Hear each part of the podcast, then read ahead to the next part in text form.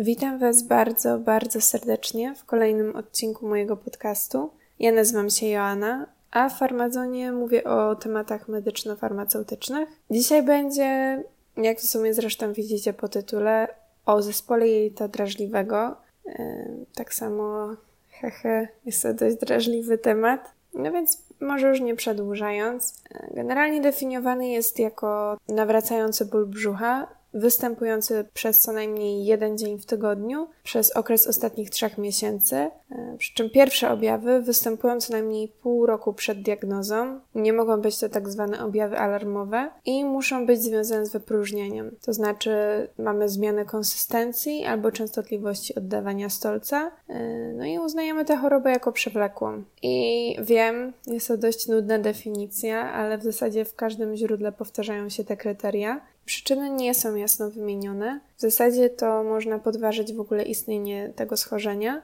No, z drugiej strony, definiowanie zawsze rodzi bezpieczeństwo. Włączenie pewnych istniejących schorzeń może ułatwić kontakt z pacjentem, no i też polepszyć jego samopoczucie, że możemy postawić mu diagnozę. Oczywiście istotnym czynnikiem w patogenezie jest stres i jego ogólnoustrojowy wpływ, zwłaszcza na mikro, mikroflorę jelitową, można by wysnuć wniosek, że wystarczy się suplementować probiotykiem. Niestety jest to znacznie bardziej skomplikowane, ponieważ istnieje kilka rodzajów IBS. No i są to postaci zaparciowa, biegunkowa oraz mieszana.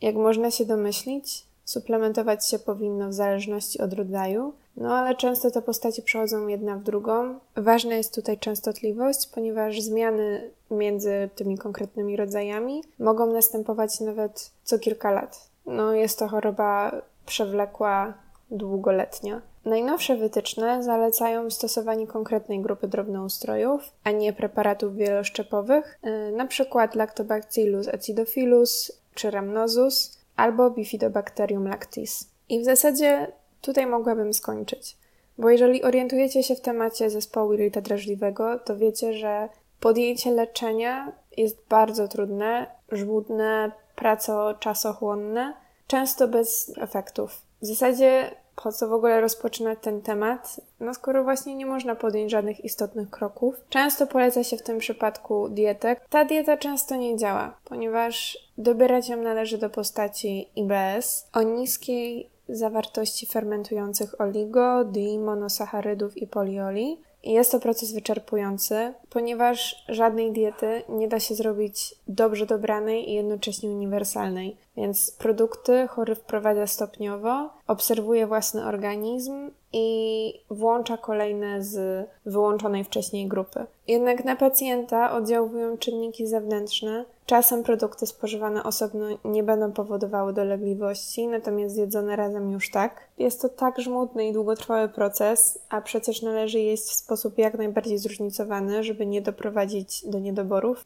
To, co jest dla mnie ekscytujące i obiecujące, to to, że jesteśmy na samym początku badania mikroflory, na samym początku przygody z opracowywaniem metod, za pomocą których dowiemy się, jak reagować na wysyłane, oczywiście w cudzysłowie, przez nią sygnały. Jeżeli całkowicie uda nam się wyeliminować część chorób, co jest bardzo możliwe, to na pewno będzie do nich należał IBS. Na razie jednak należy się oprzeć na własnej intuicji i być może zmniejszeniu wpływu stresogenów, jakkolwiek enigmatycznie to brzmi. Wiem, że może być to frustrujące, tym bardziej, że nie istnieje zbyt dużo metod, a w zasadzie żadna nie jest w 100% skuteczna. Trzeba się oprzeć na takim powolnym eksperymentowaniu z dietą i konkretnymi szczepami. To jako jedyne brzmi obiecująco.